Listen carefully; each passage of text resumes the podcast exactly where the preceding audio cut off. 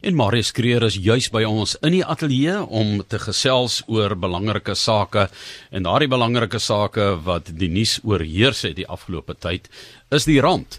En vandag is hy hier om vir ons sy siening te gee want almal dink ek op die oomblik is maar paniekerig oor die vryval van die rand die afgelope naweek Marius. Die rand het van 13.30 laasweek geval tot vanoggend so 13.68 rond. Hy was hy was uh, Johan het uh, eintlik uh, maandag aand, sonderdag aand het hy tot 14.68 uit R15.45 gaan draai. Gisteroggend was hy 14.68. Uh vanoggend was hy op 'n stadium toe ek vlieg uit George het was hy 14.08. Toe ek nou net kyk, was hy 14.21. So dit is nogal groot bewegings. Ehm uh, ek dink die grootste beweging was maar gewees uh sonderdag aand en oor die naweek as gevolg van die krisis wat nou tans in Turkye heers ehm um, die president van Amerika Donald, Donald Trump het besluit hy gaan Turkye 'n bietjie straf omdat hulle 'n pastoor aanhou en hy het toe ook besluit hy gaan sekere tariewe op invoere veral op staal vanaf Turkye na Amerika hef wat natuurlik 'n groot skok was op hulle ekonomie. Hulle beurs is maar klein, hulle beurs is maar 'n totale beurs is kleiner as byvoorbeeld Netflix, omdat nou Netflix die maatskappy ken se batewaarde is groter as wat die hele hele beurs is. So ons dink nie hulle wat gebeur het daar gaan die hele wêreld nou baie negatief beïnvloed nie. Maar ongelukkig is hulle opkomende land en ons is deel van daai mark van die opkomende lande. En wanneer beleggers opkomende geldeenhede wil koop of verkoop, dan kyk hulle na watter land se geldeenheid is likwid. Nou ons rand is baie likwid. Anderswoorde, hulle kan baie maklik in en uit gaan. Ons rand verhandel die meeste persentasie gewys van al die opkomende markte. In die gevolg is nou verkoop hulle as hulle dink opkomende markte se geld enige gaan styg, dan koop hulle baie rande en as hulle dink dit gaan verswak, dan verkoop hulle baie rande. En ek dink die fout wat mense nou maak is dat hulle sien hierdie verswakking in die rand, maar hoe is ook 'n klomp ander slegte nuus in die land op die oomblik. Uh, ons hoor die hele grondkwessie heeltyd en dan hoor ons van die 57 miljard waarvoor die staat moet waarborg gee vir SAA, Sanral, SAIK en Eskom. Ehm um, en ons hoor van die swak groeikoers wat voorspel is. Ons het 'n negatiewe groeikoers eerste kwartaal gehad, so as ons weer negatiewe groeikoers hierdie kwartaal het, dan ons as ons as ons in 'n resessie tegnies. So en nou dink mense is as gevolg daarvan wat die rand so verswak en hulle wil eintlik maar graag baie keer die grondkwessie dalk die skuld gee daarvoor. Uh, na die uitspraak van uh, president Ramaphosa oor die grondkwessie waar hy gesê die ANC se standpunt is om grond sonder vergoeding te oor te neem het die rand omtrent van so 13 18 na 13 30 omtrent gegaan oor nag weer 'n bietjie teruggekom so hierdie hele ding wat nou gebeur het is nie is nie die binne beleid van die regering tans wat wat die impak het nie. Uh daar kan nog sekere impakte kom vorentoe. Maar ek dink die fout wat mense nou maak is hulle raak paniekerig as jy maar as die rand nou sommer so oor 'n naweek geval het met 8 9% is eintlik 8% wat hy geval het oor die naweek.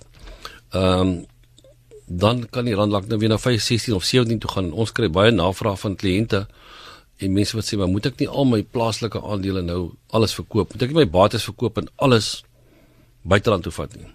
So dit is nogal 'n iets wat 'n mens moet bespreek en sê maar wat is die rasie die regte ding om te doen op die oomblik? Die uh, as ons net weer na Turkye toe gaan, hulle geldeenheid, ek meen vir mense wat in die land woon, het dit 'n bepaalde invloed gehad, amper 40% verswak ja, ja, hierdie jaar. Die naweek was omtrent uh, eh, 18% gewees. So in totaal vir die jaar 40%. Nou kan jy vir jouself dink as jy buitelandse skuld het, uh en dit is nie net die die staat nie, maar meer koöperatiewe maatskappye wat buitelandse skuld het. Baie van hulle van hulle geld leen hulle in dollars. En dit beteken as jy dan nou 'n rand moet terugbetaal, moet jy nou R1.40 terugbetaal. So dan moet jy baie meer van jou eie geld in geld gebruik. So jou skuld het eintlik nou baie duur geword. Jy het nou gedink jy het soveel jy het soveel skuld, maar intussen het het jou geld met 40% verswak, so jy het eintlik 40% meer skuld. Nou vir enige ou is dit nog al 'n groot skok. So uh so alles alles op oomblik in die moeilikheid uh en ons weet nou nie wat presies gaan gebeur tussen die FSA en Turkye op oomblik nie of vorentoe nie.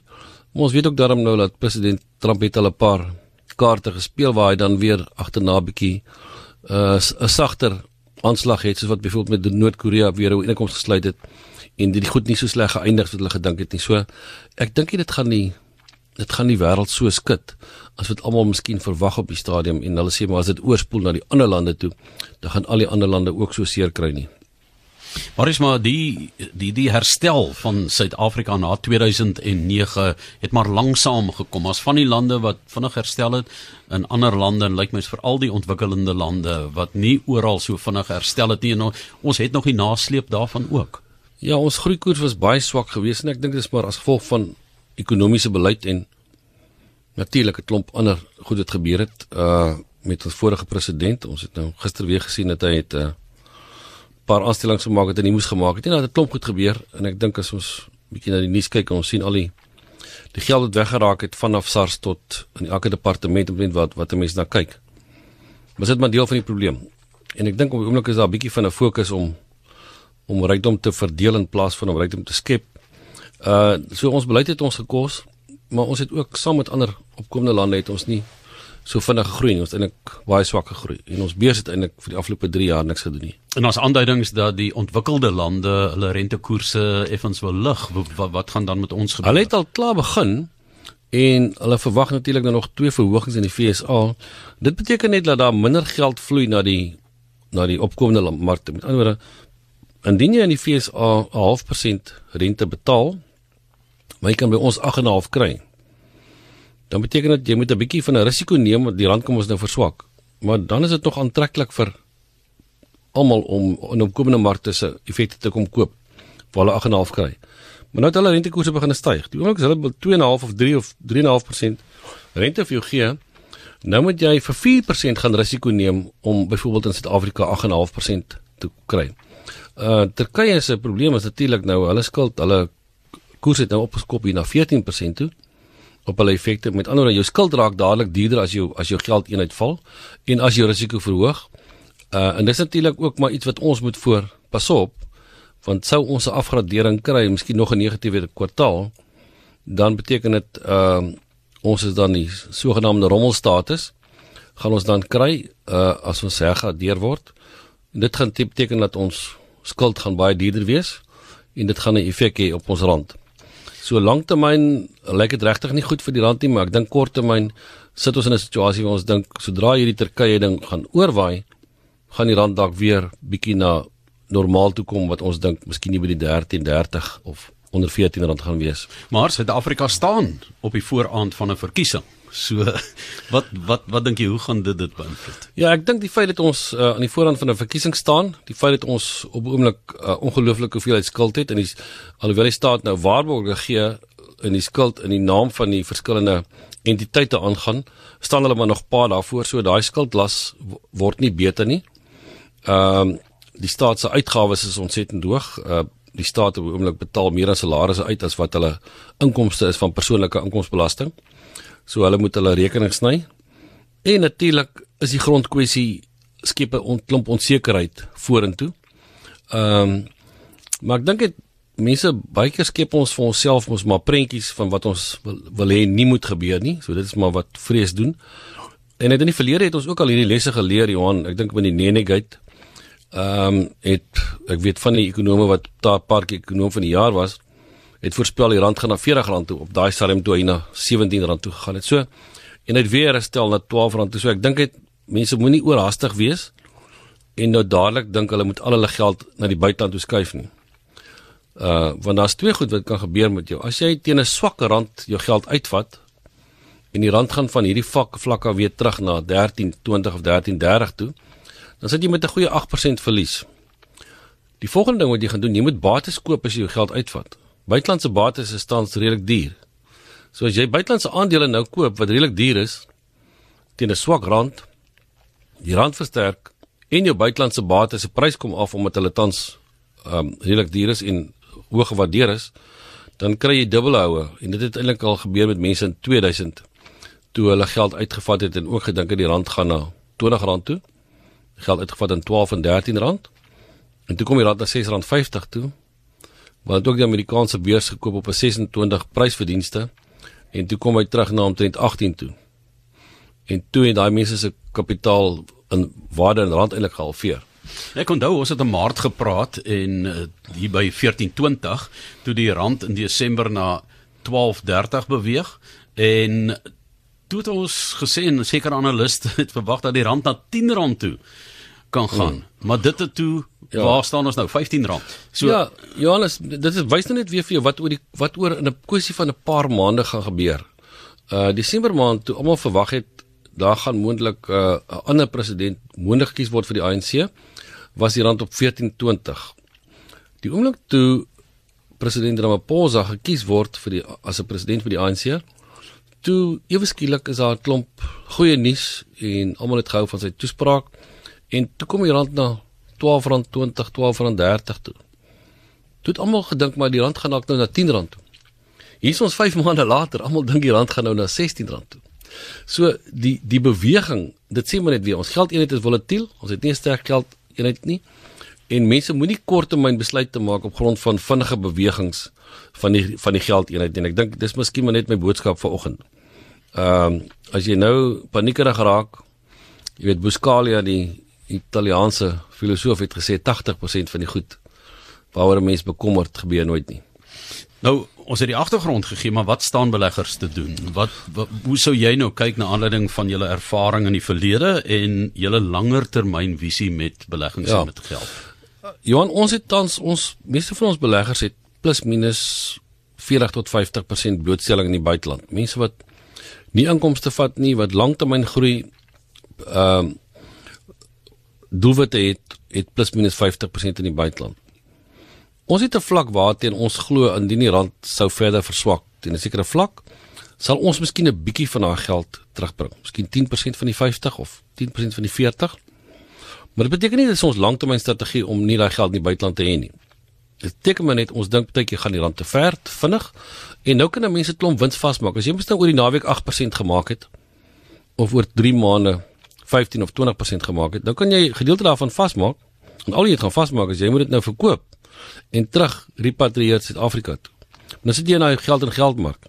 So dra jy sien die rand kom weer by 13.30 en dit is nie 'n spekulasie strategie wat ons het nie. Dis mis, dit is dit gebeur een keer miskien 2 of 3 jaar. Gaan jy weer 'n blootstelling opneem, maar nou het jy die wins vasgemaak en jy kan weer 'n blootstelling kry en jy gaan weer vorentoe uh, voordeel kry. Want oor die langtermyn bo die rand so 6-7% per jaar te verswak. Ons inflasie is baie hoër as die FSA se en dit is maar die trend oor die lang termyn. Maar in hierdie termyn wat ons van praat, is die rand eintlik net 30% van die tyd op die vlak waar hy behoort te wees as jy nou na pariteit kyk. Meer 70% van die tyd is hy is hy buite daai vlakke. So beleggers wat nie buitelandse blootstelling het nie, moet dit kry. Hulle moet dit nie op een slag alles kry nie. Uh, as 'n mens dink daar gaan 'n klomp negatiewe goed nog in die land gebeur vorentoe wat die rand baie gaan verswak, dan moet jy miskien sê dan moet jy nou 10% of 15% van die geld uitkry en as die rand verder versterk, kan jy die ander 15 uitkry, jy ten minste 30% buiteland het. As jy dink daar's groot groot risiko vorentoe, uh en jy wil 'n bietjie wins neem, moenie al jou geld terugbring nie. Neem 10% wins. Vat 10% van jou van jou 30 of 40% wat in die buiteland is, bring dit terug. So as jy verkeerd is, het jy nog altyd 30% daar wat kan groei as die rand dan baie baie verder verswak as daar iets anders gebeur in die wêreld. Maar as jy reg is jy ten minste 'n bietjie wins gevat. En ek dink dis miskien maar net die versigtige benadering wat ons het uh in tye soos hierdie.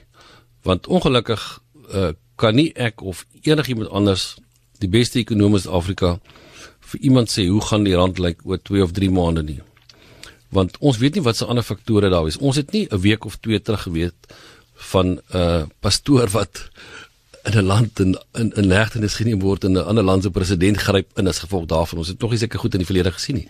Ja, dit laat my altyd dink aan sporttellings ook. As mense dit voorspel, dan was die helfte omtrent reg en die helfte verkeerd na die naweek afhangende van watter span jy skree of ondersteun. So baie keer ook het 'n mens nie 'n glas kristalbal waarna jy kan kyk en die goed voorspel nie, ja. maar jy kan uit die verlede uit en gesonde verstand en die projeksies ja. vir die toekoms maak. Jy leer dan ook 'n paar lesse en ek dink uh, my lewe het ek al so baie lesse geleer en ek leer nog altyd lesse. Ons het so baie keer in die, in die verlede gesien waar die rand van 2000 af vinnig verswak het en elke keer weer herstel het. Nie altyd na die vlakke waar hy in die verlede was nie.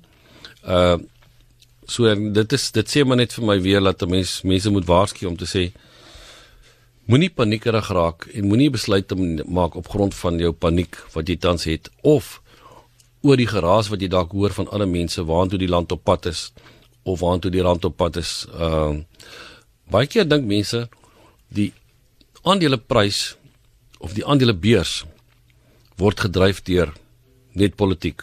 Dis nie waar nie. Ons is deel van die opkomende mark. Met ander woorde, as die opkomende markte die sentiment draai na opkomende markte van ontwikkelende lande af en beleggers besluit daai mark daai bates is te duur, hulle begin bates skuif na opkomende markte. Dan kry al die opkomende markte nuwe geld en almal gaan die voordeel kry. As dit weggaan, maak dit nie saak of jy goed doen in die land of jy het goeie beleid nie. Die geld skuif net eenvoudig weg en as 'n mens die geld wegskuif, dan beteken dit daar's 'n klomp verkope oor aanbod val die prys. So en dit dit vergeet mense baie keer. Op 'n stadium met China se se groeikoers in hulle ekonomie was 11%. Nou dit was die hoogste in die wêreld by verre. En hulle daai jaar hulle aandelebeurse die swakste gedoen vir die jaar. So die goed is nie altyd gekorreleer direk gekorreleer met mekaar nie. En mense dink baie keer omdat die groeikoers in die land swak is, is daar maatskappye wat nie wins maak nie of moet ons nie in, in ons beurs belê nie. Die ander ding wat ek wil voorwaarsku is mense het nou 3 jaar gewag vir groei op ons aandelebeurs. Wil 3 jaar geduld hê, geduld gehad, ge gehad. Ehm um, dit is nie nou die tyd om ons aandelebeurs te verkoop nie. Hy is goedkoop. Uh want as jy nou 3 jaar geduld gehad het en nou is jy geduld op en nou besluit jy okay, ek skuif nou al te, al my geld. Dan is jy gewoonlik die naaste wat jy aan die draaipunt was is nou. Uh En dit dis dis ook die ander fout wat mense maak. Hulle raak moedeloos met 'n belegging terwyl hulle van die begin af weet dat as jy in aandele is, het jy 'n 5 tot 7 jaar horison. So moenie daar 3 jaar weghardloop nie. Maar is hier um, is iemand wat oor die regeringswerknemerspensioengeld en oor openbare beleggingskorporasie en so praat. Maar um, iets wat jy al dikwels op klem gelê het is dat jy so jonk as moontlik moet begin en jou eie aftrede beplan. Moenie wag dat ander mense dit vir jou doen of net staat maak op een persoon wat dit doen of wat. En ek dink baie mense wat werk met 'n uh, eh, salaris en 'n pensioen en 'n mediese fonds is baie keer geneig om te sê daar's mense wat dit vir my doen. En nooit daaraan dink nie. Skielik op 60 en 65 dan kry hulle hierdie uh, som geld wat hulle kan belê wat 'n gedeelte is en die ander gaan dan aan met pensioen en so meer. Maar nou sien ons hoe hoe beangs mense raak oor die moontlikheid van van daardie geld waarop mense hulle hande kan kry en nou uh, byvoorbeeld hierdie bedrag uitbetaal aan SAA of hulle sê die SAIK of Eskom of so jy weet daardie ja. dinge wat in die nuus is op die oomblik. Ja. Wat, wat wil jy vir Kyk Johan, daar's daar's twee modelle. Die een is die ehm um, is die vaste voordele vir ons. Met ander woorde, dis waar die meeste uh staatsdiens amptenare op is. Woorde dit word bereken op 'n formule wat sê indien jy soveel jare diens het en jou eindsalaris is is is 'n sekere bedrag. Jy akkumuleer plus minus 2.2% per jaar vir elke jaar diens wat jy in die staatsdiens het. So as jy met 30 jaar aftree, gaan jy van jou pensioengewende salaris plus minus 66% kry in die vorm van 'n pensioen. Uh, maak nie saak wat hulle uitbetaal aan wie nie of hoeveel pakkette hulle uitdeel, dis wat jy moet kry. Die staat moet gaan geld leen as hulle nie genoeg geld het in hulle pensioenfonds om dit vir jou te betaal nie. Die ander een is 'n vaste vaste ehm um, ehm um, wat is die ander naam daarvoor?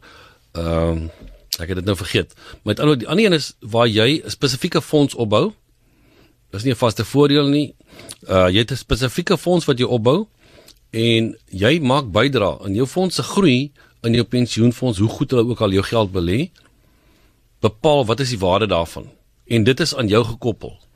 So as jou bydrae wat jy gemaak het plus die bydrae van jou fonds oor jare vir jou by aftrede 5 of 6 of 8 of 10 miljoen gee, dan is daai geld gekoppel aan jou vaste bydrae fonds. Dis die ander naam wat ek gesoek het. Ehm uh, by ander om vergeet ou was so af en toe tydjie gitter. Maar dan beteken dit daai daai waarde kan net geaffekteer word deur 'n swak belegging wat die fonds maak of wat die markte aan jou doen. Maar niemand mag hê toegang tot daai geld. Daai fonds dit, dit is dit is soos 'n Engelsman sê geringfence vir jouself. So die dag as jy aftree is daai waarde is dis jou waarde.